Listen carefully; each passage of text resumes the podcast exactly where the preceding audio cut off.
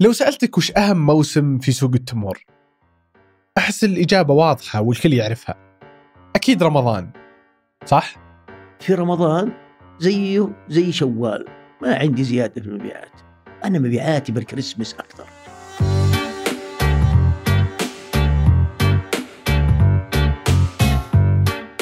أهلا. أنا الوليد العيسى وهذا بودكاست المحور الثاني. من إذاعة ثمانية وبالتعاون مع الجمارك.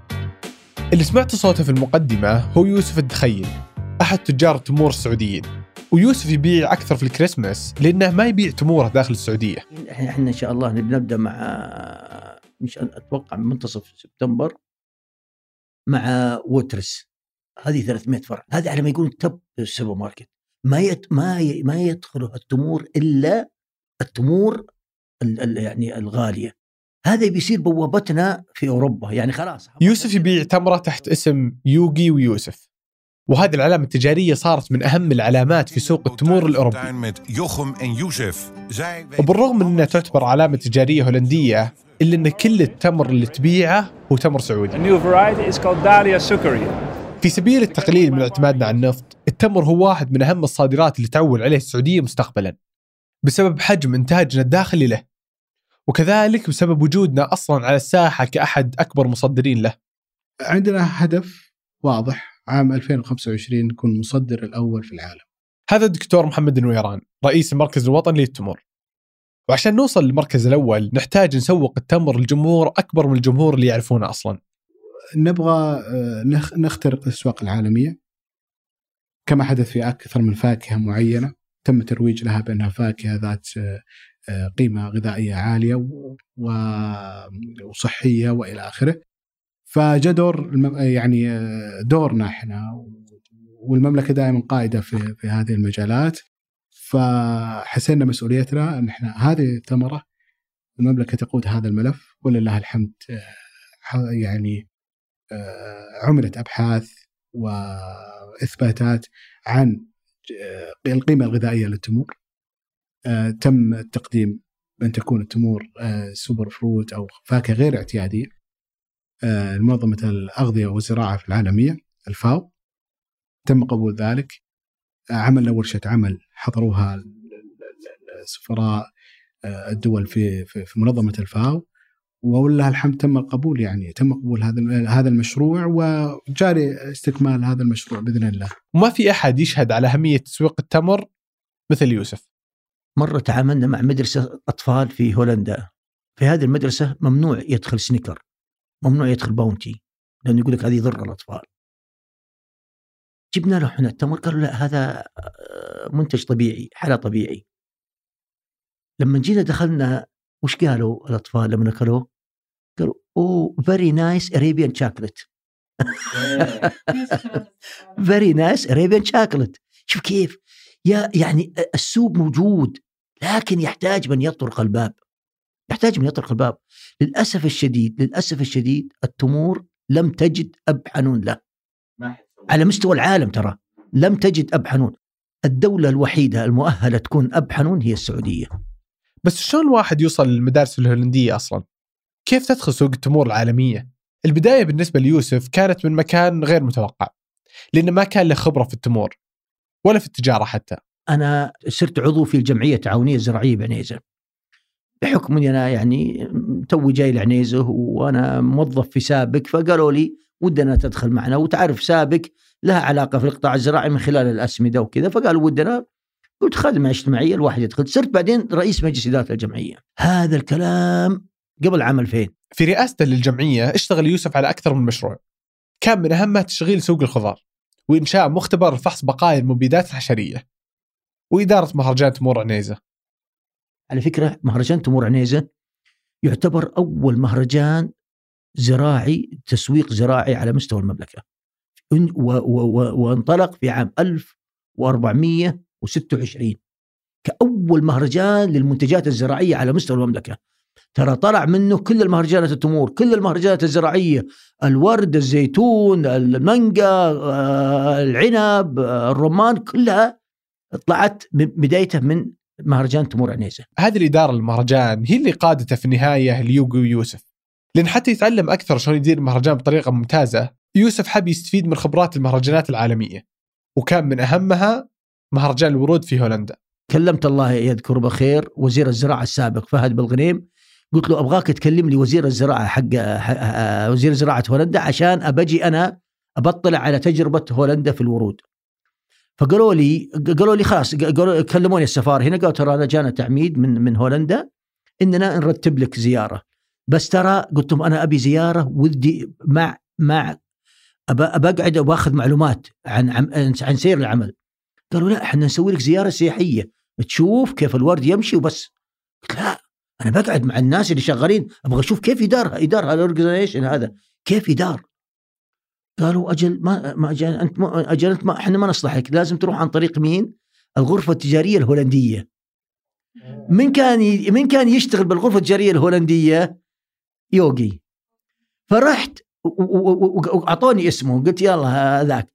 فجيت راسلته آه، راسلته قال لي ترى تتكلفك الزيارة آه، 55 ألف ريال يعني بالريال السعودي آه، قلت ما يهم ما عندي مشكله 55 اي اي قلت قا- شامله يومين بالفندق على حسابهم ها وإني أنا أجري وغدا عمل مع القائمين على على إدارة مزاد الورود. لما جيت دخلت ال- السوق سوق مزاد الورود قالت لي الحرمة اللي اللي تبي تسوينا اللي هي الجايد حقتنا هذا اللي اللي تبي تسوي التور قالت لي أنت الآن تحت أكبر سقف تجاري في العالم. شوف الفخر شوف كيف يفتخرون. أنت الآن تحت أكبر سقف تجاري في العالم. أنت الآن تحت ثاني أكبر سقف في العالم بعد سقف الكويت.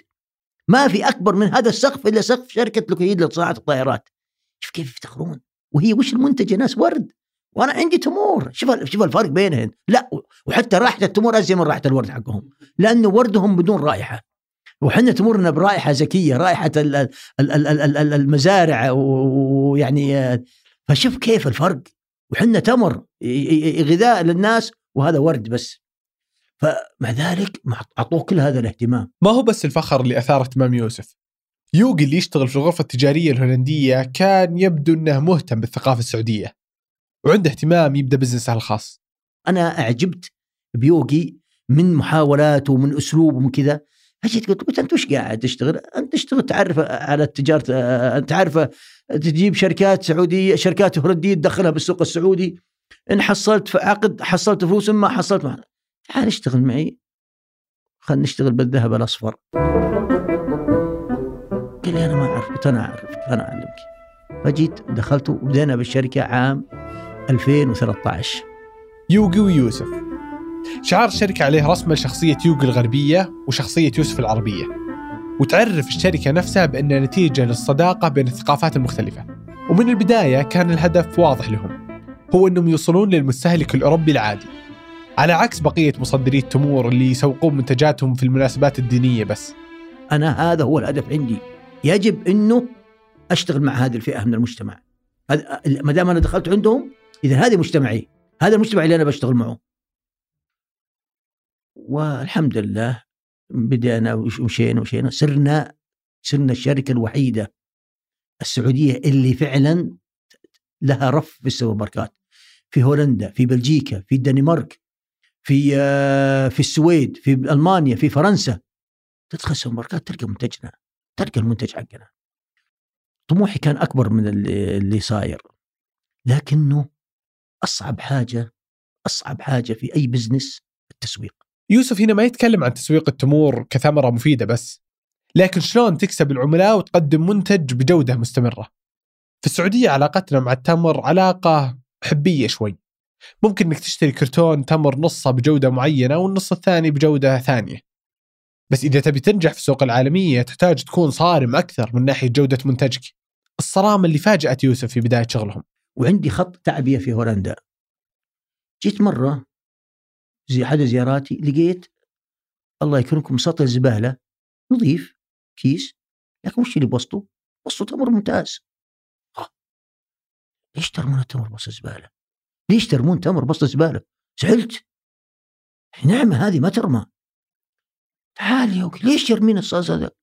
قال أعلمك وش القصة خط هذا الخط وهو يمشي يصير أثناء التعبئه إنه تطيح تمر بالأرض التمرة اللي تطيح بالأرض لا يمكن ترجع لخط التعبئه خلاص تنتهي. تصير ويست شوف كيف تخيل يا أخوان. شوف كيف العمل عندهم. والأرض وش هي الأرض؟ الأرض كلها سيراميك نظيفة مرة نظيفة.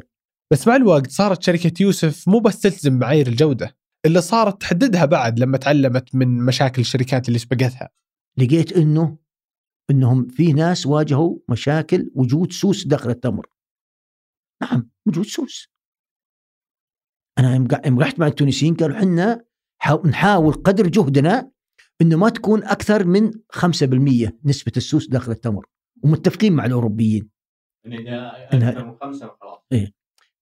أنا ما أشتغل إلا على صفر. أنا ما أشتغل على صفر. صفر ما في. ليه؟ لأنه أختار النوعية اللي يعني قبل ما تبدا يصير فيها سوس أنا اخذها من النخله واخزنها نخزنها وين نخزنها تحت 18 تحت الصفر عشان لو في بيض كذا ولا كذا ونموته نخزنه جو لمي جو لمي استراليين تناقش معهم على من وزاره الزراعه الاستراليه على أساس هل ممكن التمور السعوديه تروح لاستراليا طبعا هم الهوس عند الاستراليين انه لا يصير فيه آه، بكتيريا لأنه ما ما ودهم يدخلون شيء لأستراليا. يعني يحاولون ما يخلون إيش أي فطريات تدخل س- لما سويت لهم عرض للطريقة اللي إحنا نتعامل فيها مع السوق الأوروبي إننا نخزن تحت 18 تحت الصفر أقل حاجة ثلاث أسابيع. قبل ما ما نشحن في في بعضهم يقعد ثلاثة شهور أربع شهور ست شهور لين ما تباع. قال أنا يكفيني أسبوع. قلت لا إحنا ثلاث أسابيع. لأنه أنا ما أبي ألقى نسبة خطأ. حتى إلا وصله إلى صفر بالمية. لاني شفت أنا في شركات خسرت كثير. جزائرية وتونسية لأنهم صار عندهم مشكلة زي كذا. أنا ما بي أنا ما بيصير عندي هالمشكلة دي ومسألة ضمان الجودة هذه مو بس تهتم فيها الشركات المصدرة لكن حتى المركز الوطني للتمور يعتبر جزء من مهامه. عشان كذا أصدروا علامة التمور السعودية اللي تقدر الشركات تحصل عليها. هذه العلامة تضمن سلامة المنتج من المبيدات وغيرها وإلى آخره. آه، منتج سليم وآمن. وأيضا ال- الجريد حقه أو ال- الفئة الصنف حقه هل هو درجة أولى ولا ثا ولا م- درجة ممتازة ولا أولى ولا ثانية ولا ثالثة. فهذا راح يساعد كثير في التبادل التجاري. ومو بس المركز الوطني هو اللي يشيل هم ضمان جودة التمور السعودية. في كذلك الصادرات السعودية والجمارك بعد. يوسف يقدر هذا الاهتمام. والتطورات الضخمة اللي صارت في المجهود مؤخرا. أنا أنا أنا كنت قد كتبت مقال عن كيف نحل مشكلة الجمارك وقارنت ما بين ميناء روتردام وميناء جدة مع الفارق الكبير بينهم. كيف إنه ميناء روتردام ديناميكيته عالية جدا بحيث إنه 24 ساعة وتفسح المضاعه وهو ثالث أكبر ميناء على مستوى العالم. وكيف إنه بناء جدة كان إذا دخلت البضاعة إذا ما تقعد عندهم أسبوعين يقولوا ما صبحنا عليك. كيف إنه كان يقول آه الله يذكره بالخير آه أبو عبد العزيز آه الحقباني يقول يقول حنا نبي نسوي ريليس حق 24 ساعة. أنا أضحك. والله ما 24 يوم. اليوم مو بس تم تحقيق الفسح في 24 ساعة. صار الهدف الجديد بالنسبة للجمارك هو الفسح في ساعتين سواء للتمور أو غيرها من الصادرات. طبعا كل الكلام اللي ذكرناه ينطبق على التمر كثمرة. وكذلك كجزء من صناعات مختلفة بحيث يستخرجون من التمر سكر التمر معجون التمر وغيرها من المواد اللي تستخدم في صناعة شيء جديد لكن المشكلة هي أن كل هالصناعات بالنسبة ليوغي ويوسف جالسة تصير في هولندا وش اللي يمنع يوسف من نقل العمل للسعودية؟ غالبا إن مستوى قطاع الخدمات اللوجستية ما تقدم مع تقدم الخدمات الحكومية.